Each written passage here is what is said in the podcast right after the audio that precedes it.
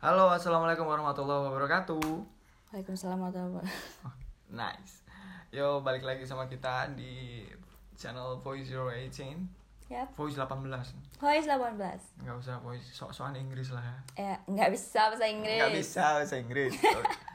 Hari ini kita bakal ngebawain lu aja yang ngebawain ya. Gue cuma Iya, ya, maksudnya ya kami akan membawakan cerita horor lagi dari Instagram. It is always from Instagram because Instagram pakai bahasa Indonesia aja. Karena di Instagram itu banyak banget cerita-cerita yang menarik. Salah satunya cerita horor yang sangat menarik perhatian kami. Semoga kalian juga suka. Yang akan kami bawakan ini tuh cerita dari beri story dari akun Instagram @ayudolan juga. Ya, ini cerita tentang tentang perjalanan ya, perjalanan Ya. supir travel. Supir ya, travel. supir travel. Jadi, ya, supir travel kan hidupnya di jalan gitu. Hidupnya di jalan. Ya, hidupnya di jalan jadi mesti seka- sesekali pernah nemuin hal yang agak angker kayak gitu lah. Jadi hari ini yang cerit yang bacain cerita bakal Diva. Jadi Ah. start it right now. Oke, jadi cerita ini berjudul tentang enggak tentang ya. so, cerita ini berjudul tentang jalur lintas Sumatera. Penumpang terakhir, judulnya penumpang terakhir dalam perjalanan ketika menyusuri pekat malam. Kurang serem apa? Kurang serem apa? Iya sih. Oh. Judul, Judulnya boleh lah, boleh lah, boleh Oke. lah. Oke, langsung baca aja.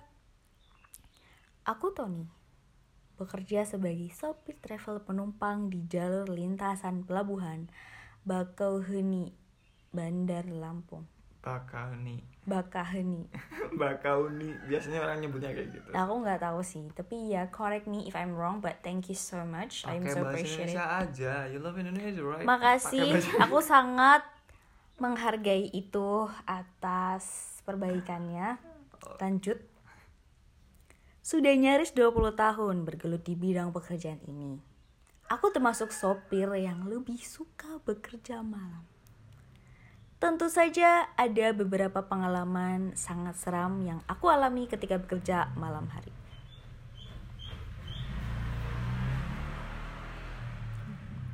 ketika bekerja malam hari.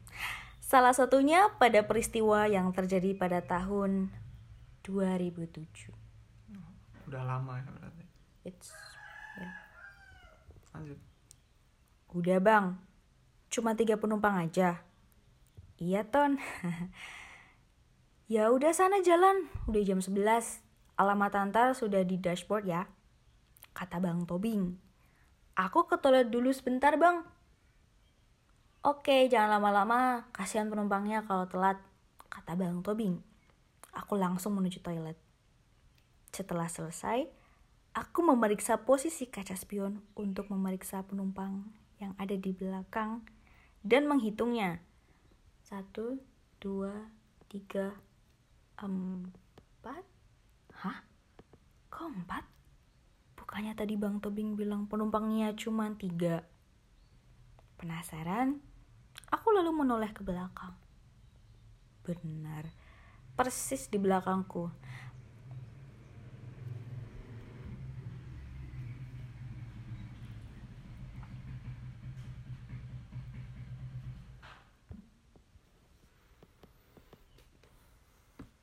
Penumpang bapak dan ibu duduk di deretan kursi kedua. Satu lagi perempuan duduk di kursi paling belakang. Sudah semakin malam, jam 11 lewat 10 menit, aku harus mulai perjalanan. Ton, mendengar suara itu, aku lalu membuka jendela. Ada apa bang? Tanyaku setengah berteriak. Dari kejauhan, Bang Tobing memberikan isyarat mengacungkan jari telunjuk tangan kanannya. Sambil berteriak, satu ton, begitu katanya. Aku menangkap arti isyarat dari Bang Tobing. Aku mengerti. Berarti dia bilang masih setengah berteriak. Kenapa ketawa? Salah.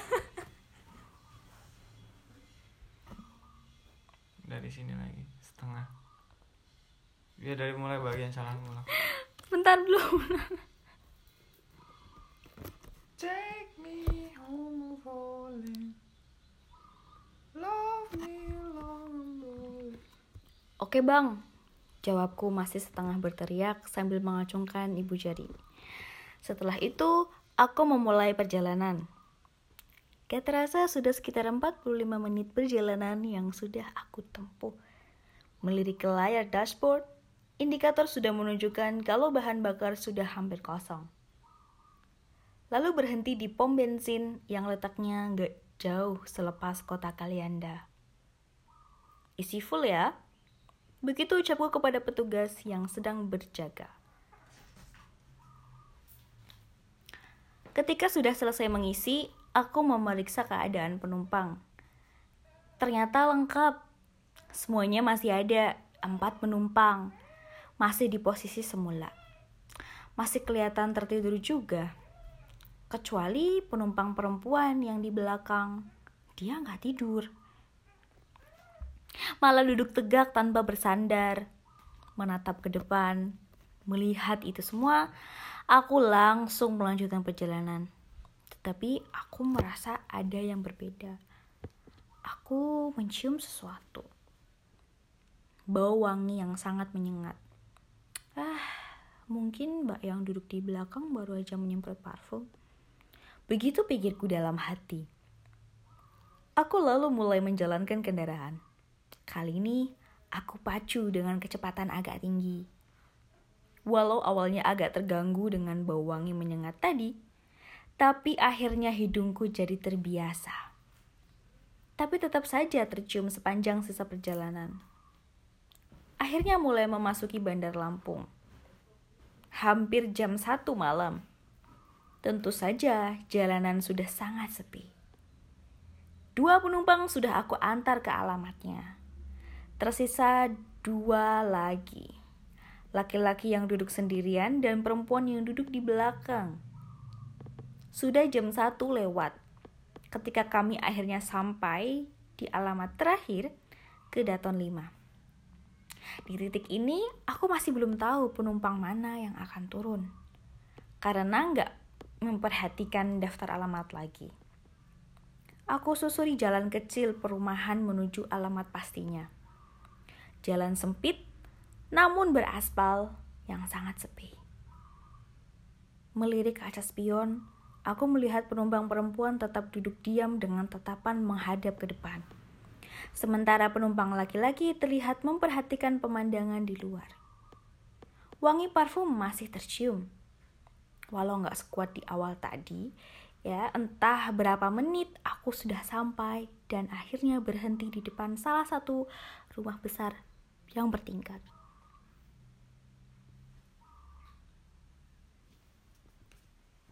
Mas, Mbak, ini benar alamatnya kan? Tanyaku kepada penumpang.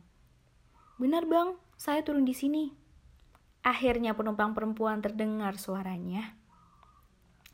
Rumah tempat tujuan penumpang perempuan ini terlihat gelap. Hanya satu lampu teras yang menyala sudah menjadi kebiasaan. Apabila penumpang yang turun adalah perempuan atau orang tua, aku akan ikut turun untuk menawarkan bantuan atau sekedar menunggu sampai dia masuk ke dalam rumah.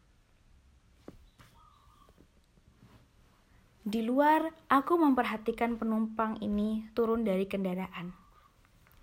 Hanya tas kecil saja yang jadi barang bawaan. Terima kasih, Bang. Silakan lanjut aja. Gak apa-apa kok kalau ditinggal. Begitu katanya sambil tersenyum. Iya mbak, kalau gitu saya jalan ya. Hati-hati ya bang, kalau bisa langsung ke pool aja. Gak usah antar penumpang lagi. Loh, kenapa emangnya mbak? Kan masih ada satu penumpang lagi tuh. Jawabku penasaran. I'm sorry for interrupt. Jawabku penasaran. Diulang dari situ. Jawabku penasaran. Jeng jeng jeng jeng. Kalau bisa ke pol aja. Penumpang perempuan ini bersikukuh menyuruhku kembali ke pool. Aneh. Ini pool atau pol? Pool. Pul. Pool. Bool. Entah kenapa. Setelah berpamitan, aku langsung naik kendaraan dan pergi meninggalkan tempat itu. Satu penumpang lagi, tapi aku nggak tahu harus diantar ke mana. Maksudnya, Mas ini tuh mau ke mana sebenarnya? Mas, mau diantar ke mana ya? Atau turun di pol aja? Tanyaku sambil melihat kaca spion. Berhenti bang, jawab penumpang itu pendek. Oh oke, tolong kasih tahu arahnya ya mas. Aku lalu tancap gas, mengarahkan kendaraan menuju daerah berhenti yang jaraknya sekitar 30 menit dari Kedaton.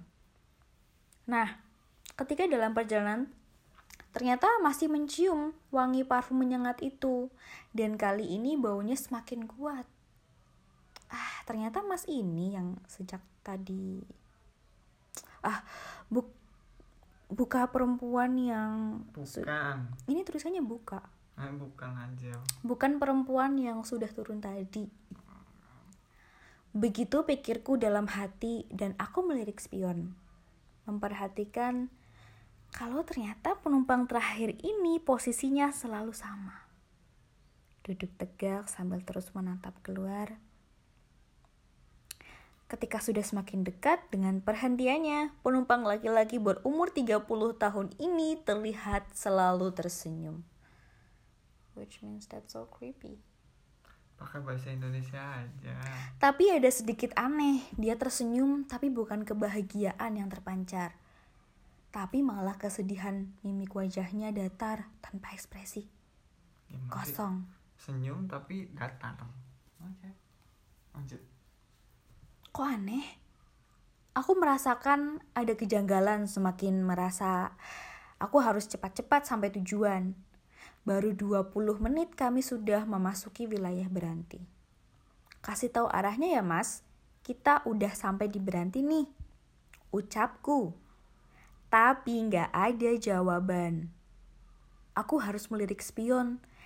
Ternyata dia masih menatap keluar sambil tersenyum. Maaf mas, kita udah di Beranti. Alamatnya di mana ya?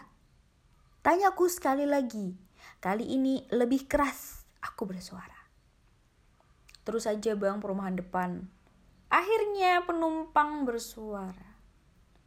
Aku langsung setelah itu kembali menginjak pedal gas. Pedal atau pedal? Bedal. pedal gas secara perlahan. Sepertinya aku tahu perumahan yang dimaksud. Perumahan ini, Mas. Tanyaku lagi ketika di depan sudah ada gapura besar. Iya, jawabnya pendek. Aku langsung membelokkan kendaraan. Masuk ke dalam perumahan. Setelah di gapura gerbang perumahan, terlihat ada pos security yang tepat di depannya ada portal besi dalam keadaan terbuka pada saat itu. Ketika sudah persis berada di depan pos itu, aku bisa melihat ke dalam yang ternyata nggak ada siapa-siapa, kosong. Ya udah, aku terus masuk ke perumahan. Rumahnya di mana ya, Mas? Aku bertanya sekali lagi. Terus aja. Lalu aku terus ikuti jalan lurus yang memanjang. Aku menjalankan mobil sangat pelan sambil menunggu perintah selanjutnya untuk berbelok ke mana. Terus aja mas, tanyaku lagi. Iya, datar. Kok nggak belok-belok?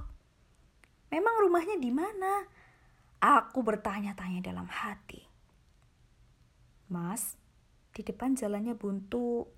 Rumahnya yang mana ya? Lagi-lagi aku bertanya. Paling ujung yang mana ya? Maaf, paling ujung sebelah kiri. Begitu jawabnya. Aku lalu mengarahkan kendaraan ke rumah yang dimaksud. Letaknya persis di ujung jalan sebelah kiri. Lalu aku berhenti dan parkir persis di depannya. Gelap seperti rumah kosong.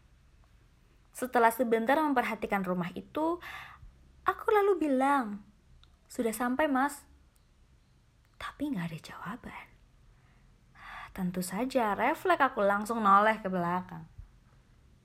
Mas, kalimatku berhenti ketika melihat ternyata mobil dalam keadaan kosong. Ke mana penumpang terakhir tadi? Sudah turun kah?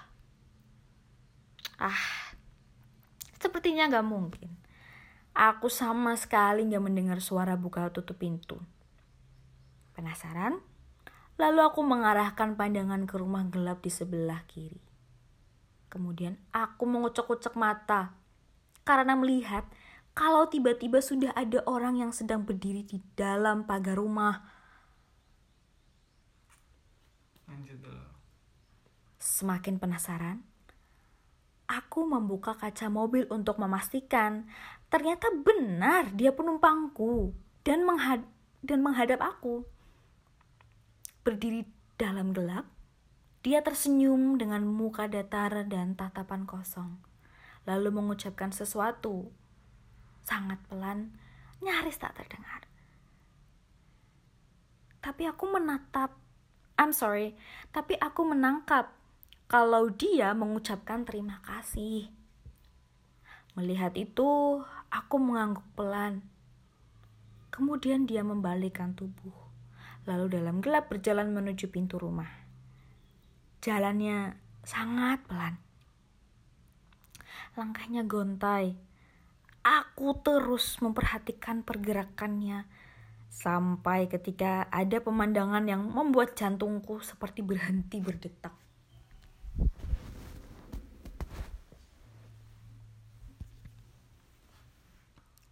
Setelah sampai depan pintu rumah, dia nggak membuka pintu, tapi malah berjalan menembus pintu. Iya, iya, iya, tubuhnya menembus pintu, lalu menghilang masuk ke dalam rumah. Kaget melihat itu semua, tubuhku kaku nggak bisa bergerak. Shock lemas dari ujung kepala sampai ujung kaki. Tapi beberapa saat kemudian ada kendaraan lain datang dari arah belakang mobilku. Aku lalu membuka kaca jendela dan ternyata dikendari oleh security perumahan. Lagi ngapain bang? Tanya pas security. Nganter penumpang pak ke rumah itu. Jawabku gagap. gagap gimana sih? uh, ngantar penumpang pak ke, ke, ke rumah itu. Oh gitu. Ayo kita ke pos depan dulu. Iya pak. Kemudian aku memutar mobil lalu mengikuti motor security itu dari belakang. Sesampainya di pos security aku langsung turun dan kaget. Dan kaget karena ternyata di pos security ada dua petugas lainnya. Padahal ketika masuk tadi, aku tuh gak melihat ada orang sama sekali. Abang ini tadi ngantar penumpang ke rumah di ujung itu. Tanya salah satu security. Iya pak, jawabku. Ada kejadian aneh gak? Tanya mereka lagi. Kemudian aku ceritakan semuanya. Nah, setelah itu, barulah mereka ganti bercerita. Cerita yang membuat tubuhku semakin lemas setelah mendengarnya. Jadi, penumpang terakhir yang aku antar tadi memang benar rumahnya di ujung jalan itu tadi. Para security juga punya gambaran yang sama denganku tentang perawakan penumpang itu. Penumpang tadi namanya Husairi. Umurnya 30 tahunan. Dia bekerja di Jakarta. Setiap dua minggu sekali pulang ke rumahnya di Beranti sini. Rumahnya ini diisi oleh anak istri serta mertuanya. Tapi sekitar enam bulan sebelumnya Pak Husairi meninggal dunia. Dia menghembuskan nafas terakhirnya dalam perjalanan pulang kendaraan yang dikendarainya mengalami kecelakaan di daerah Kalianda.